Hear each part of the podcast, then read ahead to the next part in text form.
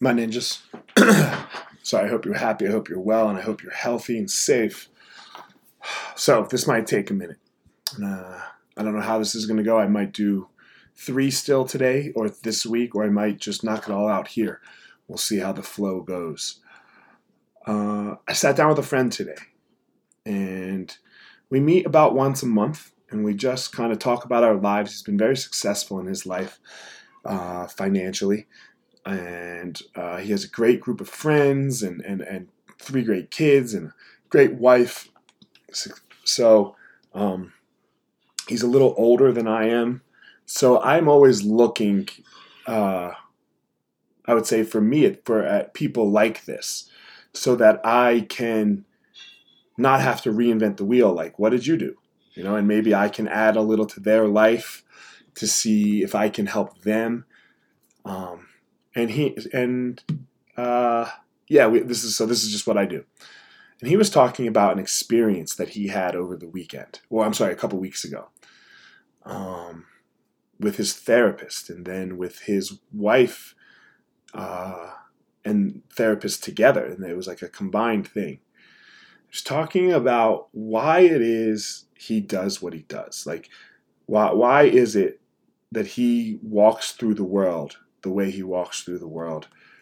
And I just resonated with it so much. Like different instances. And I don't want to share his, I'm going to share mine, you know?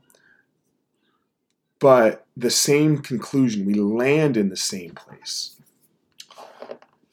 My insecurity is that I will be left, that I will be all alone, and I am not enough. So if I can make you happy and give you all that you need, you won't leave me. And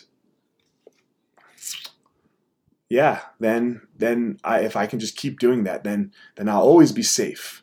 Because I didn't feel safe as a child um, with all of the Holocaust and my dad's upbringing, which again I've talked about a bunch, but they couldn't help those things. So um, that's how I learned how to walk through the world. Like if uh, if I can control everyone's happiness, then I'll be safe.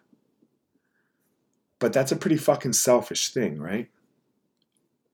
Because do I really want you to be happy for you? Or do I want you to be happy for me so that I can feel okay? Is it even really about you? Like, even with my wife? Is it even about her? Or any of my friends? Is it about them? And how in the world can I find any power in that? What's up, guys? Elliot here. Um, before we get started, I have started a Patreon account. Patreon is a place where you can go to help support the podcast. Uh, I would greatly appreciate it if you are finding useful. I have one tier right now um, for the first 50 people. You will get all of the short hitters, all of the little inspirationals on Tuesday, Wednesday, Thursday. They're going to move behind the Patreon, so you, you'll have to subscribe to get them and then also a monthly Ask Me Anything and a recipe and a jujitsu technique uh, will all come directly to you. And that's it. So patreon.com backslash Elliot Marshall. And thank you all for your help.